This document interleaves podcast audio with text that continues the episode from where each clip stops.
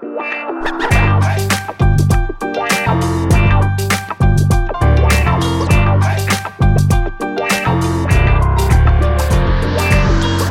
welkom bij een nieuwe aflevering van een podcast over voeding. In deze podcastserie gaan we in op de wetenschap achter voeding en laten we wetenschappers aan het woord over allerlei thema's die met voeding te maken hebben. Bart Mol van I'm a Foodie. Zoals altijd is er ook weer bij. Jazeker, het is eh, woensdagochtend, sharp, kwart voor negen en één minuut op. Ja, Ja. dat is eigenlijk is, is, En, dat, is, en is niks aan gelogen, dus dat... eh, er is niks aan gelogen, zeker. En dat is natuurlijk een broodje Jaap met Jaap Seidel. Goedemorgen Jaap. Ja, goedemorgen. En dat is onze rubriek natuurlijk waarin eh, Jaap aan het woord komt over allerlei actuele thema's die met voeding te maken hebben. En dat proberen we binnen een kwartier te houden. En dat is letterlijk nog nooit gelukt. Maar ik zeg het toch elke keer weer als een soort van ambitie. Ehm, Ambitie, en deze keer, eh, Bart, hebben we een vraag eh, van een luisteraar die, eh, die iets aan Jaap wilde vragen. Kun jij dat een beetje inleiden? of ik het wil inleiden. Nou ja... Ja. Jij hebt die luisteraar min of ja, meer nou ja, we hebben dus. mail eh, contact gehad. En eh, eh, AGV Proof, dus we, we, we mogen zijn naam niet eh, noemen, maar hij mailde wel een onderwerp naar aanleiding van het programma van Nieuwsuur dat, dat hij had eh, eh, gekeken. Dat was eh, vorige week op het tv en het ging onder andere ook over eh, de blootstelling aan hormoonverstorende stoffen. eh, en Ja. het effect daarvan op de vruchtbaarheid. En, en nou, toen eh, stuurde hij nog eh, heel wat eh, eh, andere informatie mee. Maar toen dacht ik wel van, oh ja, dit is misschien inderdaad een leuk haakje voor eh, vandaag.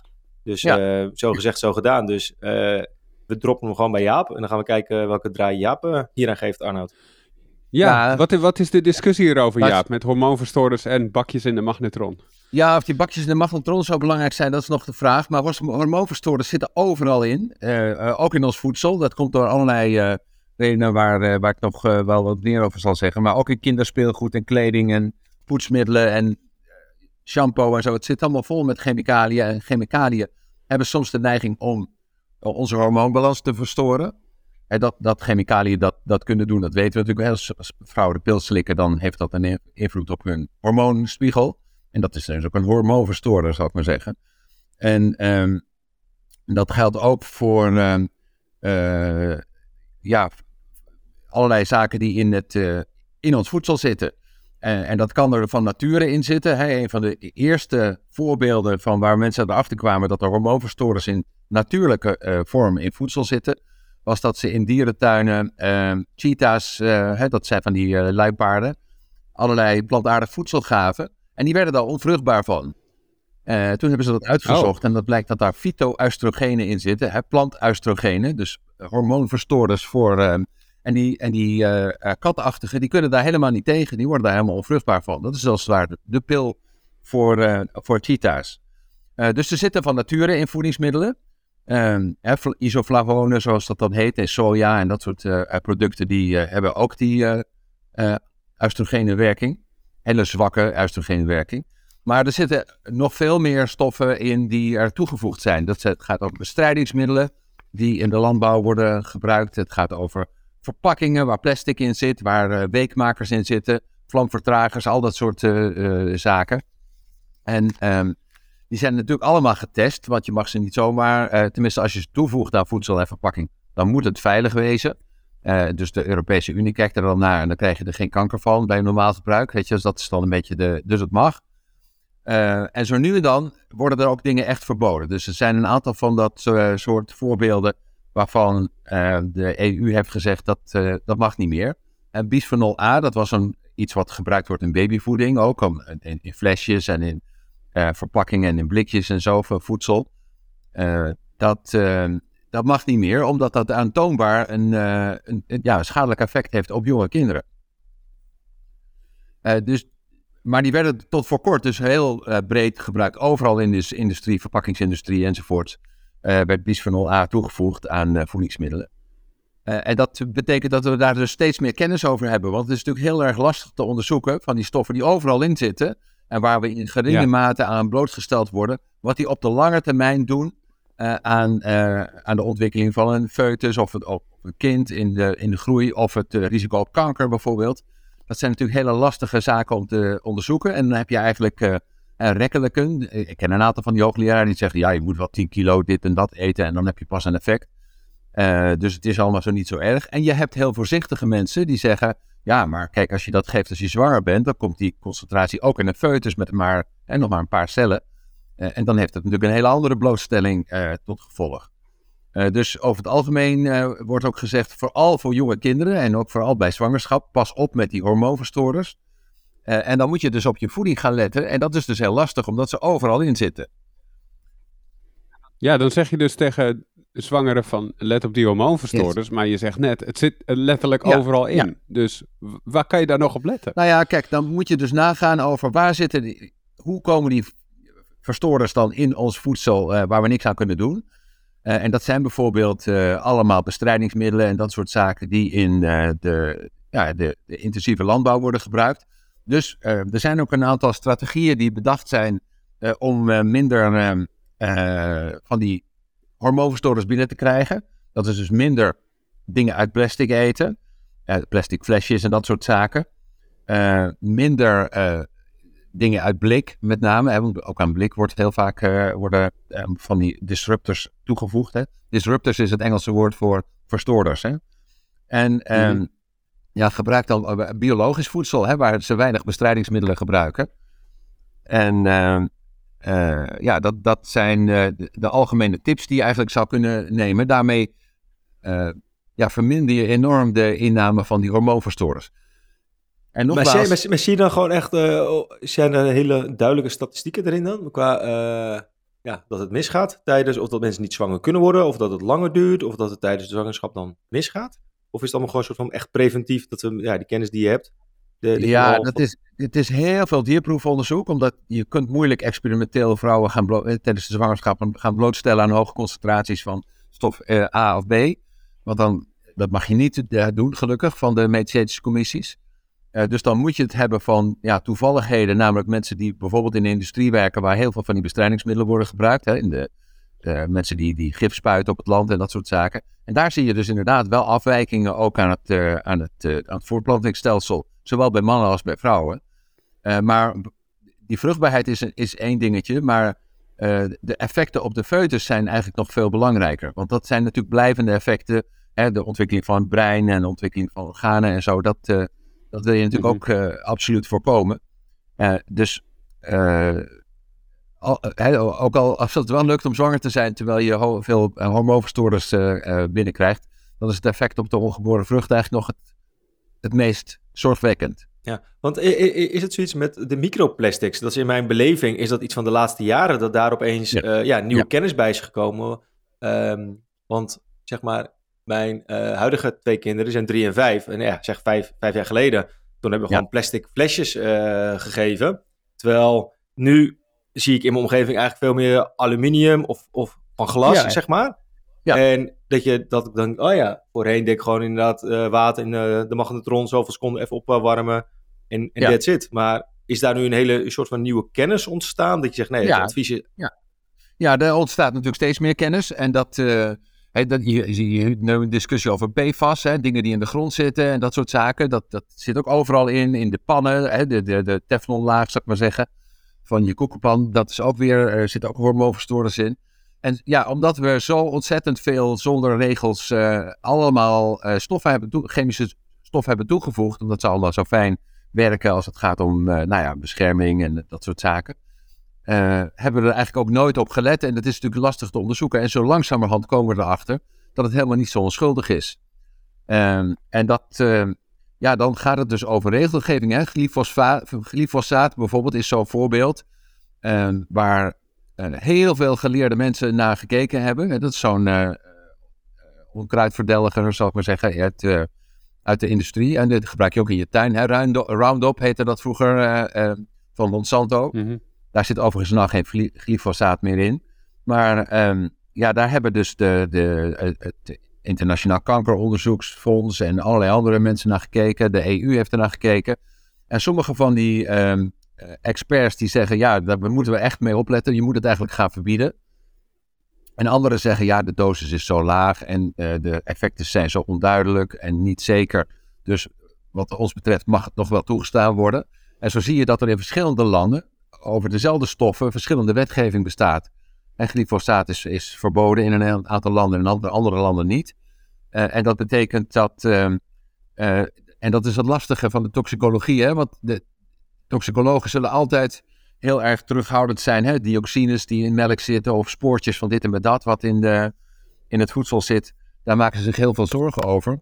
Ehm, en mensen die in de industrie werken, die zeggen, ja, wat is nou het risico? Je kunt overal ziek van worden, weet je wel. Het is, uh, uh, en is het nou wel die dioxinespoortjes in de frikandel die zo erg zijn? Of gaat het nou eigenlijk om het zout en het vet en, uh, en, en, en, de suiker in de producten waar we ziek van worden? dus ja, er zijn minimalisten en er zijn hele strenge mensen. En, en ja, dat hangt een beetje af van de wetgever. want de evidence, evidentie, om, om echt te zeggen, dit is kausaal, leidt dat tot zoveel gevallen van dit en met dat dat is heel erg lastig. En in sommige gevallen, en dat, dat bisphenol A is daar een voorbeeld van, uh, leidt het inderdaad tot uh, ja, verbannen uit, het, uit, uit de industrie. Maar hoe komt dat in eerste instantie in onze, in onze voedingsmiddelen en, en de producten die we gebruiken om voedingsmiddelen te verpakken of te, te, te, te bereiden? Hoe komt het daarin terecht dan? Ja, ja nou ja, bestrijdingsmiddelen, die spuit je gewoon op, op, op, op de groente ja, ja. en fruit. Uh, als je Nee, ik bedoel niet letterlijk hoe komt het daarin terecht, oh. maar um, waarom is het toegestaan nou ja, omdat om het, gewoon uh, willekeurige chemicaliën toe te voegen? Nou ja, we, we stoppen overal chemicaliën in. Hè? Wat ik net al zei, kinderspeelgoed zit ook vol met chemicaliën en uh, plastics en dat soort zaken. Daar zitten ook hormoonverstorers in. En de weekmakers en allerlei mm -hmm. buisjes in je koffiezetapparaat. Daar zitten ook weekmakers in, want die wil een beetje soepele buisjes hebben. En daar heeft de industrie wat op gevonden. Daar heb je uh, weekmakers voor die dat uh, doen. Maar die hebben ook een hormoonverstorende werking. En dat wisten mensen eerst niet toen ze dat bedacht hadden. Dus de ontwikkeling van plastics, die is ver uh, voordat mensen bedachten van misschien heeft het ook wel eens nadelige effecten.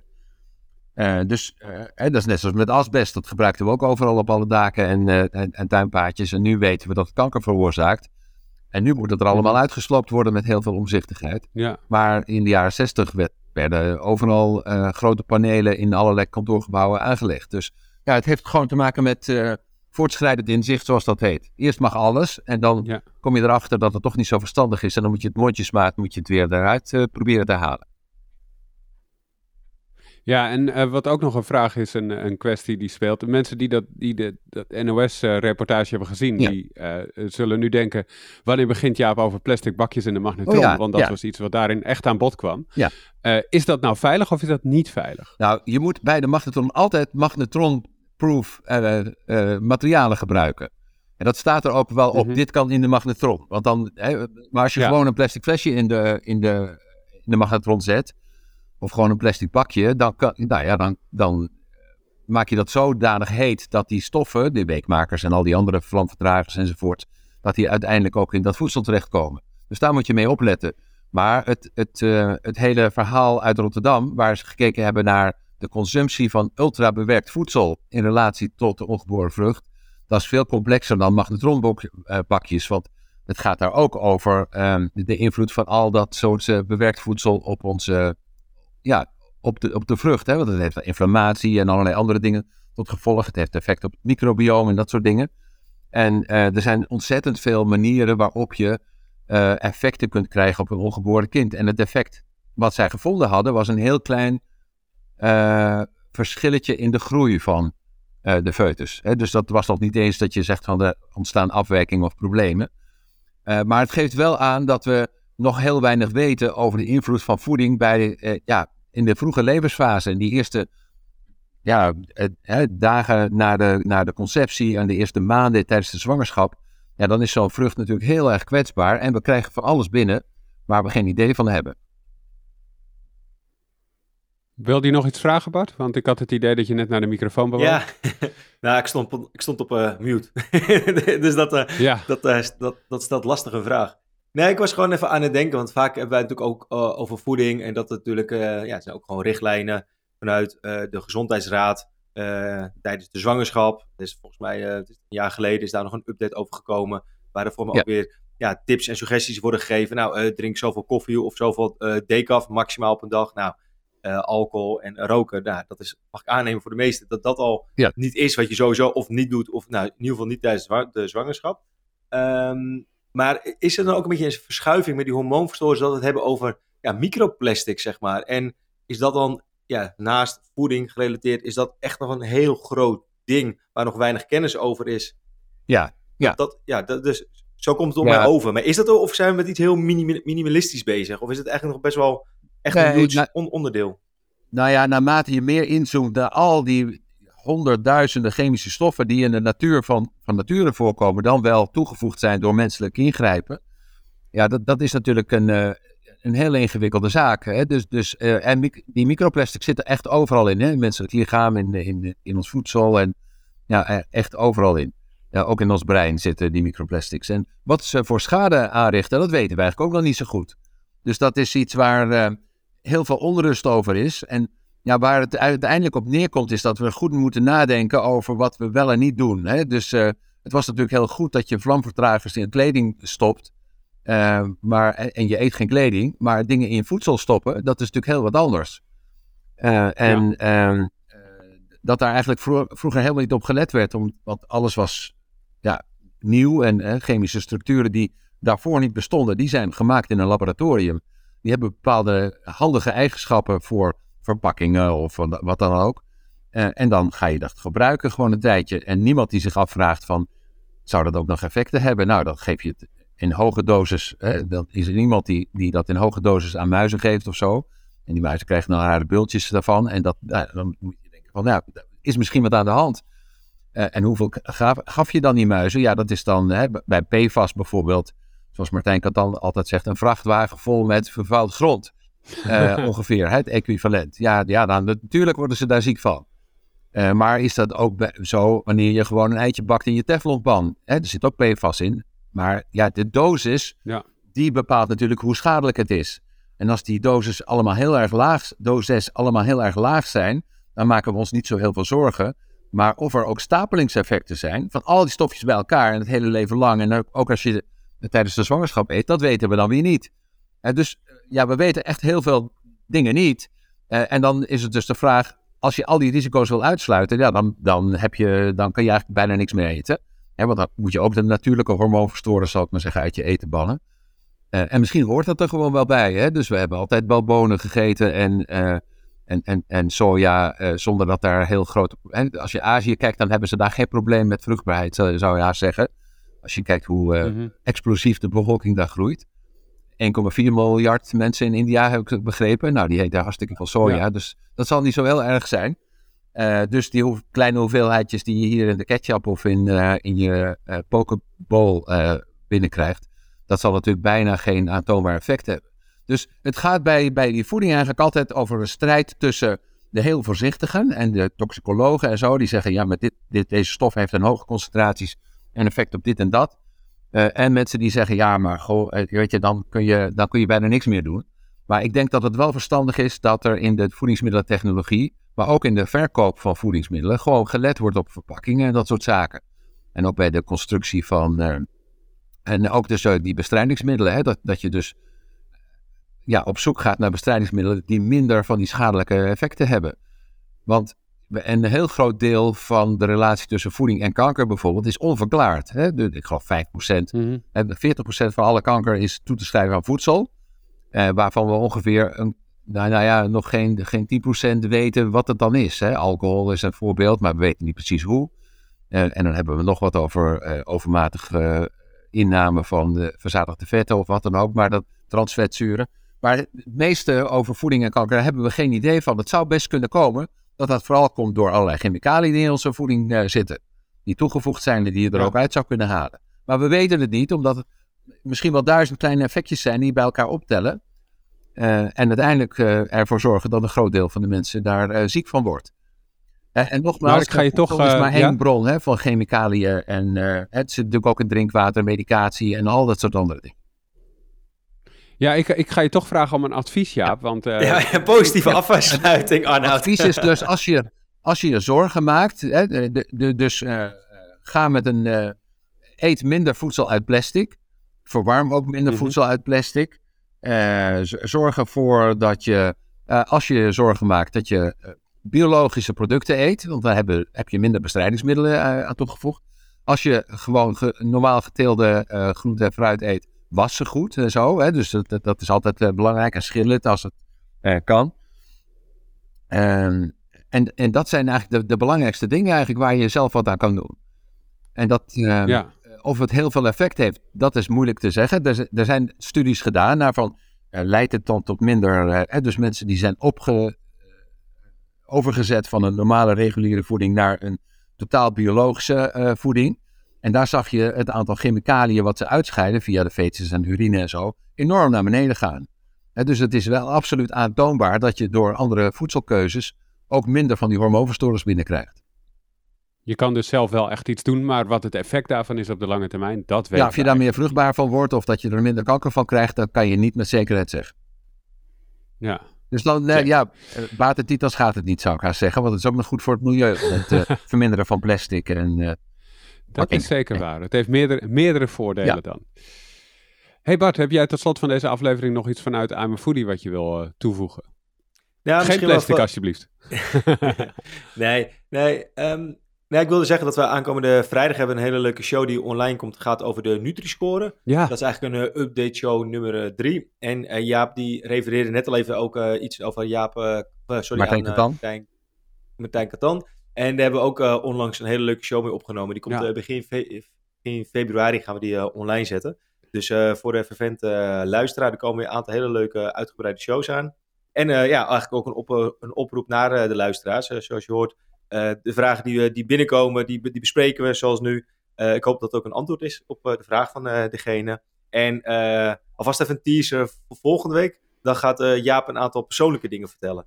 Dus eh, mocht je daar geïnteresseerd in zijn als, als luisteraar, nou, moet je nog even een weekje wachten. en dat is dus ook naar aanleiding van vragen. En dat vind Ja, ik ja, extra ja. leuk. Ja, dat nee, we dat is- vragen binnenkrijgen en ik dat we daar niet vrijwillig mee eh kunnen doen. Nee, maar we, do- we doen het ook niet voor Nee, onszelf. nee, we we doen het eh, eigenlijk ook niet voor Jaap. We doen het, ja, we doen het gewoon voor de luisteraar. Ja, dus, eh, precies. Zo doen we dat. Oké, En als je, als je deze podcast nou wil steunen, vriendvandeshow.nl slash POV. Dan kun je ons vrijwillig financieel steunen en dan kunnen we nog meer leuke podcasts maken. Want zoals je hoort, hoe meer podcasts, hoe meer beter. Eh, geef ons sterretjes of recensies als je deze podcast leuk vindt in je favoriete podcast app. Helpt ook anderen weer ons te vinden, want dan eh, hopelijk eh, nog meer luisteraars. Want er passen altijd meer luisteraars bij. Dankjewel Jaap voor deze week. graag gedaan. Tot de volgende keer. Dankjewel Bart. Ja, zeker. Tot volgende week, eh, Arnoud. Yes, jij dankjewel voor het luisteren en tot de volgende keer. Later.